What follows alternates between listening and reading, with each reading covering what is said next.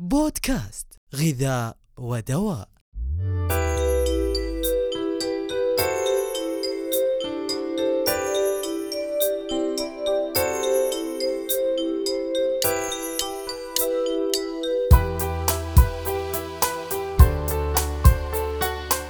أسعد الله أوقاتكم بكل خير وأهلا وسهلا بكم في الحلقة الخامسة من بودكاست غذاء ودواء الذي يأتيكم من الهيئة العامة للغذاء والدواء بمملكة العربية السعودية.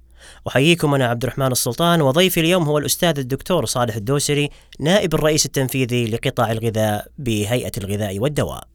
عمرك تساءلت عن الخضار والفواكه اللي تشتريها كيف توصلك سليمة؟ هل هي خالية من المبيدات؟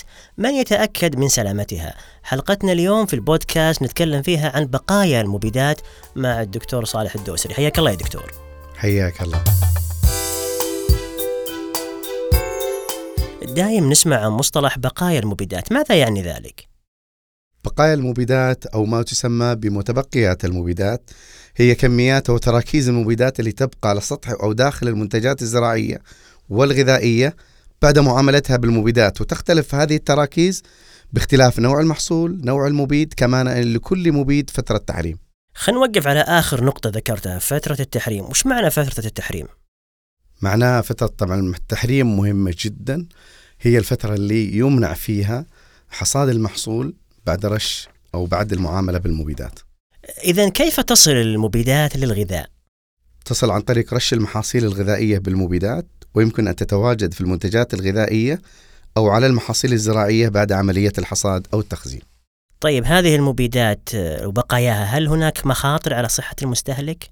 نعم هناك مخاطر على صحة المستهلك من خلال اختلال في عمل الهرمونات والغدد مشاكل الإنجاب والخصوبة تشوه الأجنة زيادة خطر الإصابة بالسرطان لا سمح الله بما أن هناك مخاطر هل هناك حد أعلى يعني مسموح فيه؟ نعم هناك حدود قصوى مسموح بها في الأغذية والمنتجات الزراعية لهذه المبيدات ويختلف من مبيد إلى آخر ومن محصول أو منتج غذائي إلى آخر وهو الحد الآمن للمستهلك المعتمد من قبل الهيئات الدولية المتخصصة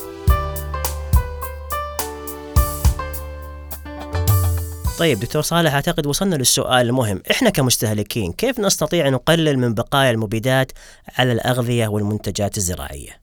هناك بعض العمليات المهمة التي تؤدي إلى تقليل بقايا المبيدات على هذه المنتجات الغذائية منها عملية الغسل لابد من التأكد الغسل الجيد لهذه المنتجات ويمكن أكثر فعالية إذا كانت بقايا المبيدات على سطح النبات. أيضا عملية الطهي يتم عملية تكسير هذه المبيدات إلى جزيئات أقل وبالتالي إلى بقايا أقل. أيضا عملية التقشير يمكن من خلال التخلص من بقايا المبيدات المتواجدة على أسطح الأغذية. أيضا إزالة الدهون يمكن من خلال التخلص من بقايا المبيدات المتراكمة بالأنسجة الدهنية. طيب دكتور صالح ما هو دور الهيئة العامة للغذاء والدواء في التقليل أو الحد من خطر بقايا المبيدات في الأغذية؟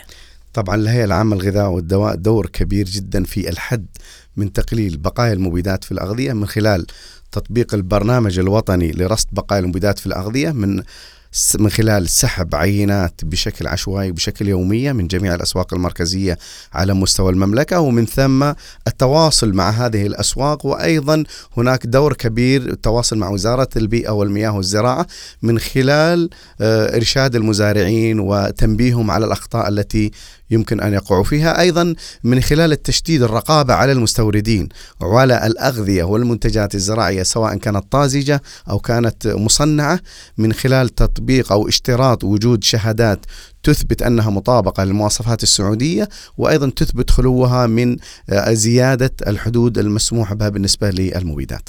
شكرا الأستاذ الدكتور صالح الدوسري نائب الرئيس التنفيذي لقطاع الغذاء بالهيئة العامة للغذاء والدواء. وأنتم أعزائي للمزيد من المعلومات عن مخاطر بقايا المبيدات وكيفية التعامل معها أدعوكم لزيارة الموقع الإلكتروني للهيئة العامة للغذاء والدواء. ألتقيكم في الحلقة القادمة أستودعكم الله.